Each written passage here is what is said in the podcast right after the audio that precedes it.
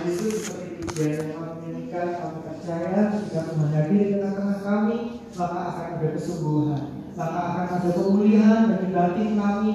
Kami tetap percaya bahwa kuasamu akan selalu nyata dalam kehidupan setiap kami. Untuk itu ya Tuhan kami membutuhkan firman. Kami butuh tuntunanmu sehingga kami menjadi pribadi-pribadi yang siap menerima kemenangan dari Tuhan. Tolonglah kami, bawalah kehendak kami cenderung melakukan firman-Mu. Tolonglah juga hambamu dengan segala keterbatasan untuk menyampaikan firman. Biarlah Tuhan pakai dapat menyampaikan firman dengan baik, sederhana, sehingga kami semua dapat mengerti. Terima kasih ya Tuhan di dalam nama Yesus. Kami berdoa.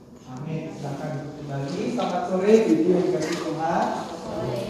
Ya kita bersyukur hari ini kita masih diberikan kesempatan oleh Tuhan untuk bersama-sama bersekutu. Mari kita membuka bacaan kita hari ini dari dua Tawarik pasal yang ke-13.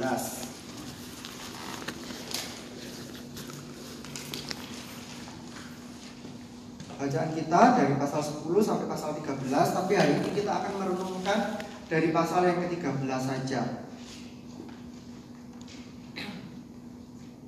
Saya tidak akan membacanya semua karena uh, ayatnya cukup banyak nanti waktu kita habis. Tapi saya harap ibu-ibu sudah membacanya di rumah ya tadi pagi mungkin renungan dari bagian ini sudah dibaca semua sehingga kita bisa mengerti kira-kira ceritanya itu seperti apa. Ketika saya bercerita ibu-ibu sudah dapat gambaran gitu ya.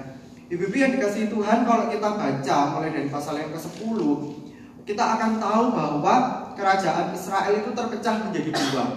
Jadi sejarah pada waktu itu Israel itu kan satu dari Daud sampai kepada Salomo, sampai kepada anaknya. Terus jaya-jayanya itu di tengah-tengah kepemimpinan Salomo. Tapi gilirannya Salomo meninggal terjadi perpecahan. Ya, satu sisi itu nubuatan Tuhan ya, karena Salomo di akhir hidupnya dia tidak apa tidak menyelesaikan dengan baik, tapi justru dia hatinya condong kepada berhala-berhala istrinya. Sampai pada akhirnya kerajaannya terpecah menjadi dua. Sepuluh suku berpihak kepada orang lain, ibaratnya dari dari keturunan yang lain. Dua suku berpihak kepada keturunannya Salomo. Mereka tetap bersikukuh ini tuh Tuhan sudah uh, menyatakan bahwa pemimpinnya itu adalah dari kerajaan, eh, dari keturunan Daud. Jadi Yehuda dan Benyamin itu mereka bersekutu mendirikan kerajaan sendiri yang disebut kerajaan Israel Selatan atau dalam Alkitab biasanya kita sebut kerajaan Yehuda. Kemudian sepuluh suku yang lain mereka di daerah Samaria mereka bikin sekutu sendiri, bikin kerajaan sendiri. Jumlahnya pasti jauh lebih banyak. Nah pemimpinnya adalah Yerobeam. Sementara anaknya Salomo adalah Rehabeam di kerajaan selatan. Nah kemudian singkat cerita Rehabeam ini kalah dengan Yerobeam karena ya jelas ya 10 suku jumlahnya lebih banyak, tentaranya lebih kuat. Rehabeam tidak sanggup. Rehabeam mati digantikan sama anaknya yang bernama Abia. Yang di pasal 13 ini kita akan uh, bersama-sama membaca dan mempelajarinya ya. Membaca tentu tidak akan semua ayat akan kita baca. Kemudian Bapak Ibu yang dikasih Tuhan dari dulu uh, kerajaan Yehuda ini ingin bermaksud Israel itu bersatu kembali jadi satu kerajaan seperti firman Tuhan uh, keturunan Daud yang akan memimpin. Tapi nyatanya yang di kerajaan utara itu tidak mau. Jadi sepanjang sejarah mereka itu perang terus gitu loh. Nah hari ini kita akan lihat uh, Abia ya. Abia ini akhirnya memimpin peperangan akan menyerang kerajaan Israel atau kerajaan utara. Meskipun jumlah mereka itu jauh lebih sedikit dibandingkan dengan kerajaan Israel utara. Nah dari firman ini kita akan melihat dua kebenaran ya Prinsip kebenaran yang kita bisa pelajari bersama Sehingga kita bisa mengerti bagaimana kita harus hidup. Apakah karena kekuatan kita yang besar maka kita bisa kuat? Atau karena apa yang kita punya maka kita bisa tangguh? Kita bisa survive dalam hidup ini? Belum tentu ya. Yang pertama yang akan kita coba lihat dari pasal 13 ini Pelajaran yang pertama adalah Ketika kita gagal menyembah Tuhan maka saat itu kita sedang merusak hidup kita. Ketika kita ini gagal dalam menyembah Tuhan, kita mungkin berpikir, wah hidupku baik-baik aja. Tapi jangan salah, detik itu juga kita sedang merusak hidup kita. Bapak Ibu yang eh, Bapak Ibu sampai Ibu-ibu yang dikasih Tuhan, kalau kita baca dalam bagian ini ya, orang Israel itu utara akan diserang sama Abia. Abia membawa 400 ribu orang. Kita baca ayat yang ketiga. Ayat ketiga ngomong begini. Abia memulai perang dengan pasukan pahlawan-pahlawan perang yang jumlahnya 400 ribu orang pilihan. Sedangkan Yerobeam mengatur barisan perangnya melawan dia dengan 800 ribu orang pilihan. Pahlawan-pahlawan yang gagah perkasa. Dari ayat 3 ini kita kalau coba baca lagi, teliti lagi, ini sebenarnya ingin membedakan antara kerajaan utara dan kerajaan selatan. Kalau kerajaan Yehuda di sana dikatakan begini, Abia mulai perang dengan pasukan pahlawan-pahlawan perang. Tapi kalau di kerajaannya Yerobeam, dia ngomong begini. Sedangkan Yerobeam mengatur barisan perangnya. Jadi dia itu sudah punya strategi. Sedangkan Rehabeam, eh, keturunan Rehabeam yaitu Abia, dia pokoknya maju aja berperang dengan orang-orangnya, orang-orang pilihan sejumlah 400 ribu. Terus kemudian dikatakan lagi, Yerobeam itu dengan 800 ribu orang pilihan. Jumlahnya sudah dua kali lipat. Ditambahi lagi, pahlawan-pahlawan yang gagah perkasa. Jadi kalau yang kelompoknya Abia tidak disebutkan pahlawan-pahlawan gagah perkasa. Cuman orang-orang pilihan, orang-orang pilihan ini artinya tentara-tentara gitu. Tapi kalau disebutkan pahlawan-pahlawan gagah perkasa, ini sudah tentara tapi disiapkan lagi secara khusus jadi pasukan khusus yang kuat-kuat yang hebat-hebat. Jumlahnya dua kali lipat dari kelompoknya Raja Abia. Satu sisi kalau Abia mau bertempur melawan orang Israel orang dari kerajaan utara itu jelas nggak mungkin. Jumlah mereka itu dua kali lipatnya. Mereka nggak ngerti strategi perang itu yang ya se sengerti-ngertinya mereka kalau melawan jumlah dua kali lipat itu nggak akan mungkin gitu ya. Apalagi ini orang hebat-hebat. Tapi kenyataannya ibu-ibu yang dikasih Tuhan kalau kita baca selanjutnya justru Tuhan itu memberikan kemenangan kepada kerajaan Yehuda. Jumlah 800 ribu tidak ada artinya bagi Tuhan untuk memberikan kemenangan bagi kerajaan Yehuda. Pahlawan-pahlawan yang gagah perkasa sama Tuhan dihabisi juga melalui kerajaan Yehuda. Gak ada artinya. Kalau namanya Tuhan sudah memberikan kemenangan, ya pasti itu akan terjadi. Kalau namanya Tuhan sudah kasih pertolongan, itu pasti akan terjadi. Sekalipun kerajaan Abia ini kerajaan Yehuda, tidak mampu, tidak kuat, kapasitas mereka jelas tidak mungkin. Nah pertanyaannya, kenapa Yerobeam itu bisa gagal ketika dia berperang Padahal jumlah mereka tuh banyak. Kalau kita lihat nanti ya mereka tuh sampai orang Israel tuh dikepung. Di depan mereka tidak bisa, ke belakang juga nggak bisa. Tapi nyatanya juga mereka tetap menang. Kesalahannya adalah kalau kita perhatikan ayat yang kelima sampai dengan ayat yang keenam. Ini Abia itu kemudian berdiri, terus dia ngomong kepada musuhnya ya, kepada orang Israel begini. Tidak tahukah kamu bahwa Tuhan Allah Israel telah memberikan kuasa kerajaan atas Israel kepada Daud dan anak-anaknya untuk selama-lamanya dengan suatu perjanjian garam. Tetapi Yerobeam bin Nebat, hamba Salomo bin Daud, telah bangkit memberontak melawan tuannya. Jadi se sebenarnya orang Israel ini yang sepuluh suku dan juga Yerobeam, mereka tuh tahu kalau kerajaan Israel itu nanti diserahkan kepada Daud dan keturunannya yang akan memerintah. Tapi kenapa mereka bisa pecah? Karena mereka tidak suka dengan kepemimpinan anaknya Daud. Memang Rehabeam itu ada ketidakbijaksanaannya ketika dia memimpin. Dia salah mengambil keputusan, sehingga malah itu memberatkan rakyat. Tapi ketika mereka itu sadar bahwa Tuhan itu sudah berjanji, keturunannya Daud akan menjadi raja. Tidak perlu loh mereka itu minta Yerobeam untuk jadi raja. Bikin kerajaan sendiri itu seharusnya tidak perlu. Dengan kata lain, kerajaan Israel utara mereka telah memberontak tidak mengindahkan perjanjiannya Allah dengan umatnya. Mereka tidak bisa menjaga perjanjian. Nah itu kesalahannya. Terus yang selanjutnya kalau kita perhatikan ayat yang ke-8 ngomong begini. Tentu kamu menyangka bahwa kamu dapat mempertahankan diri terhadap kerajaan Tuhan yang dipegang keturunan Daud karena jumlah kamu besar dan karena pada pada kamu ada anak lembu emas yang dibuat Yerobeam untuk kamu menjadi Allah, menyembah berhala. Kesalahannya adalah mereka itu sudah memberontak, merasa dirinya itu hebat. Ini loh kami 10 suku, jumlah pasukannya kuat. Apa yang mereka lakukan? Mereka tidak mau menyembah Tuhan. Mereka, karena tahu kalau Tuhan itu pengennya keturunannya Daud yang jadi raja.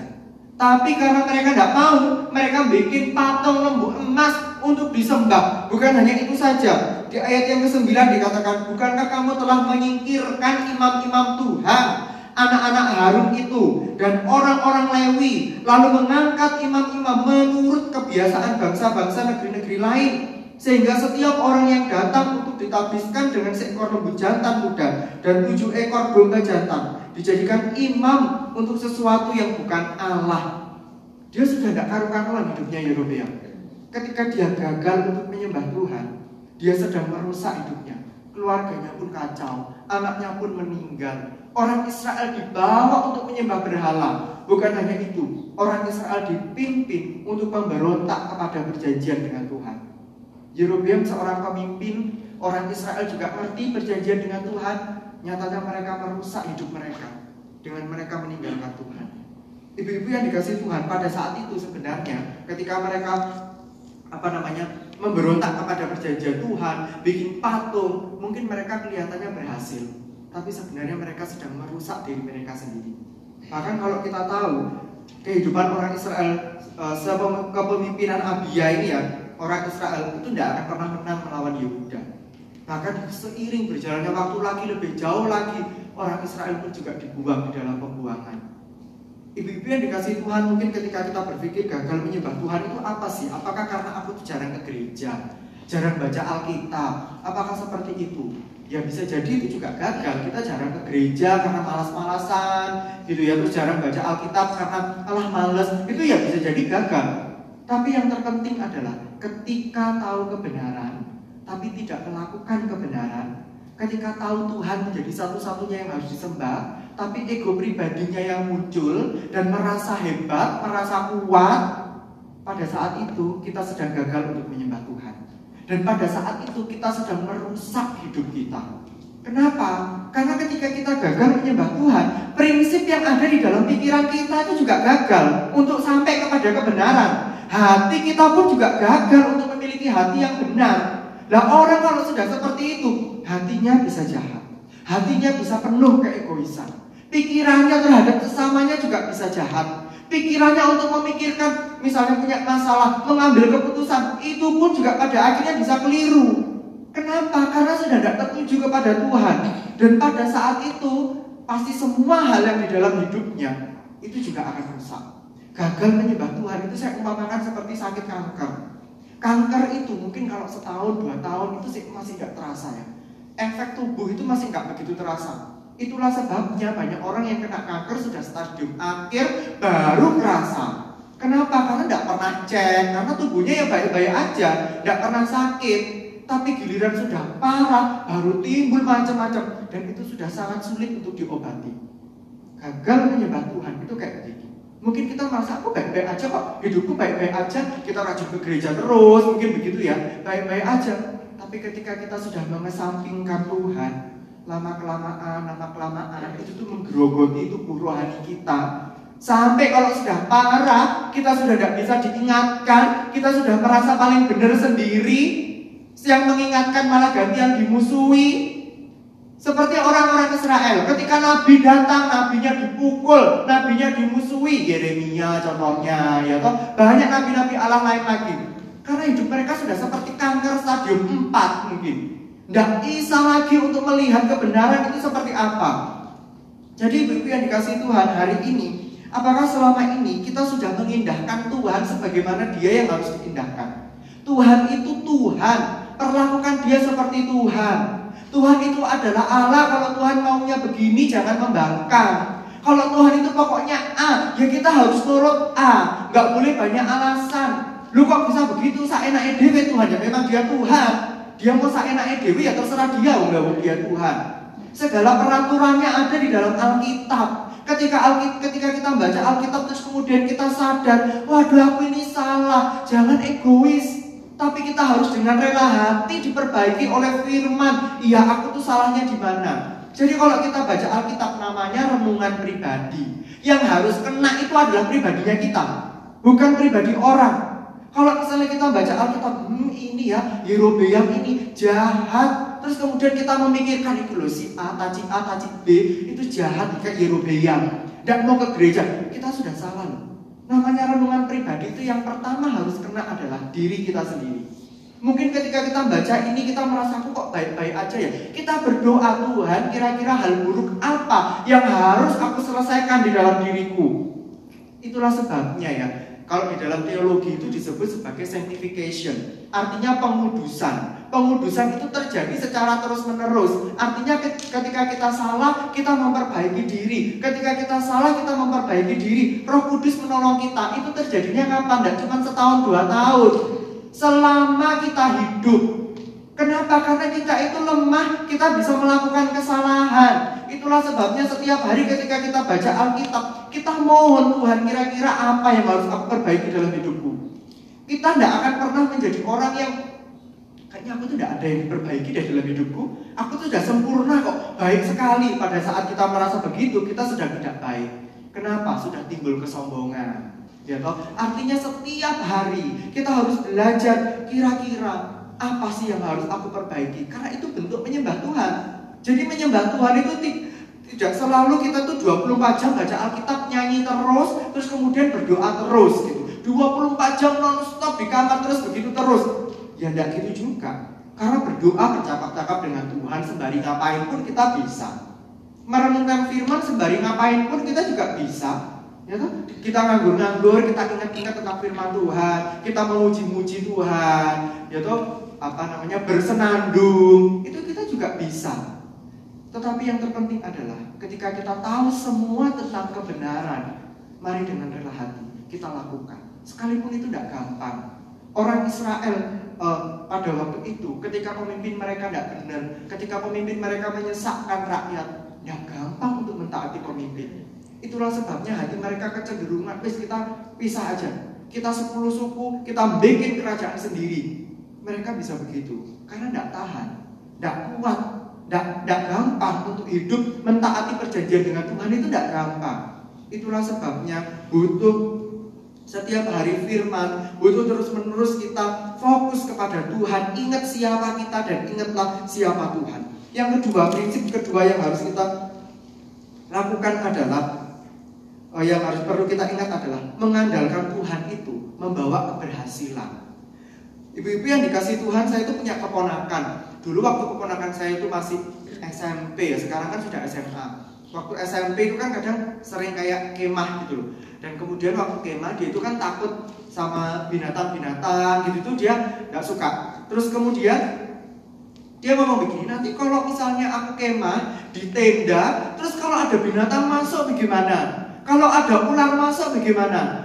Terus dikasih tahu oh harus bawa ini sampai cari di Google cara menangkal ular supaya tidak masuk. Pokoknya cari-cari gitu. Oh katanya harus pakai garam katanya harus ini harus itu. Nanti berarti dibawa aja ya waktu kemah. Jadi dia itu sudah bingung takut kalau nanti binatangnya itu masuk. Terus nanti apa lagi ya? Nanti apa lagi? Dia itu sudah takut. Terus kemudian mama saya tuh ngomong gini sudah yang penting kan sudah dibawa selebihnya ya wes berdoa minta Tuhan itu supaya binatangnya itu tidak masuk. Dia tuh ngomongnya begini.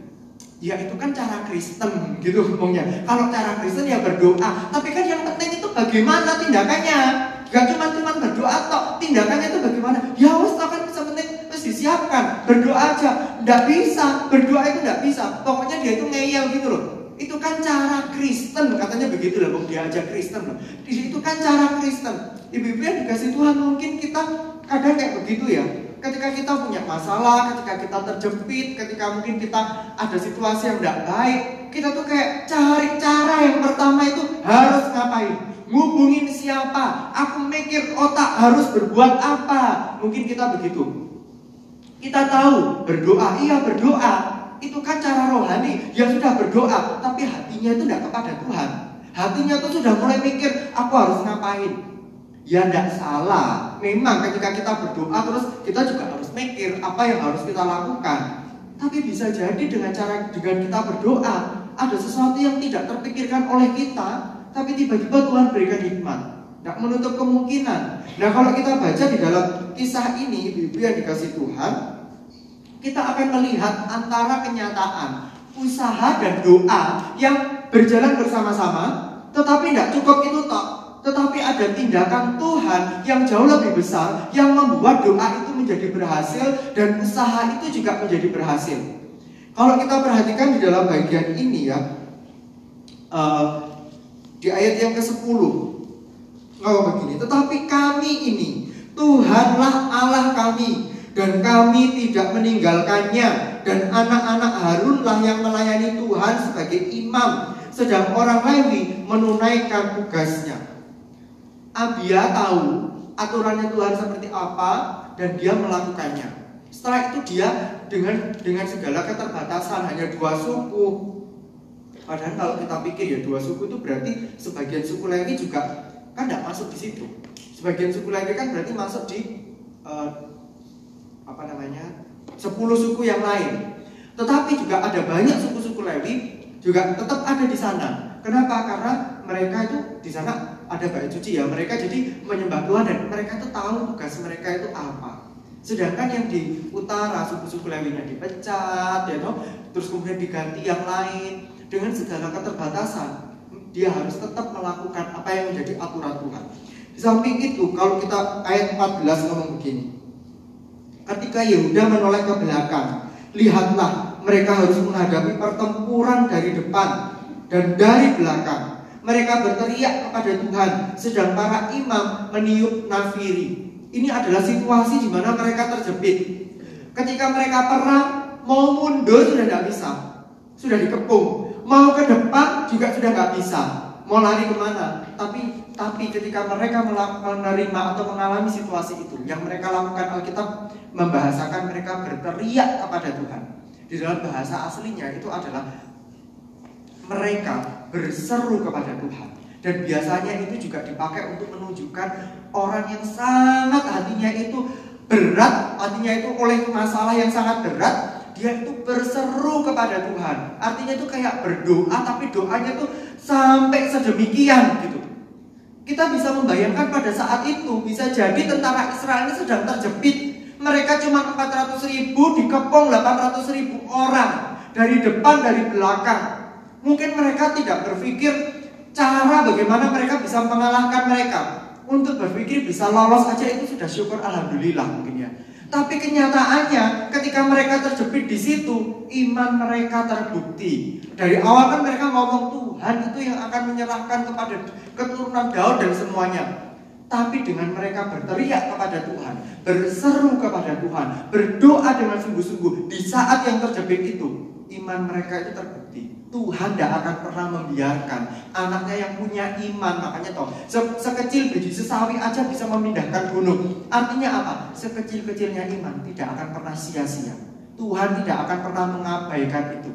Sehingga Tuhan itu berikan kemenangan. Dengan mereka berteriak, terus kemudian para imam meniup nafiri, itu tanda mereka tuh kayak, oke okay, perang sudahlah, apa pun hasilnya, pokoknya perang tetap dilakukan ketika mereka seperti itu, Tuhan akhirnya memberikan kemenangan. Sampai 800 ribu itu, akhirnya 500 ribu orang itu mati dan mereka itu lari. Dan sama orang Yehuda itu bisa dikejar loh. Ibu-ibu yang dikasih Tuhan dari sini kita bisa melihat bahwa Tuhan itu memberikan keberhasilan ketika umatnya itu sungguh-sungguh mengandalkan dia. Tuhan itu memberikan keberhasilan ketika hati kita itu sungguh-sungguh berpaut hanya kepada Dia. Mungkin kita bisa kok melakukan usaha apa pun, tapi mau sejauh apa usaha yang kita lakukan sampai kita berhasil? Mungkin sekali dua kali kita berhasil, mau sampai kapan kita akan tetap berhasil? Kita tidak pernah tahu. Kapan kegagalan itu akan muncul dalam hidup kita? Kita juga nggak akan pernah tahu. Tetapi satu hal, meskipun kegagalan itu datang, Ketika kita berserah kepada Tuhan, Tuhan itu berikan keberhasilan.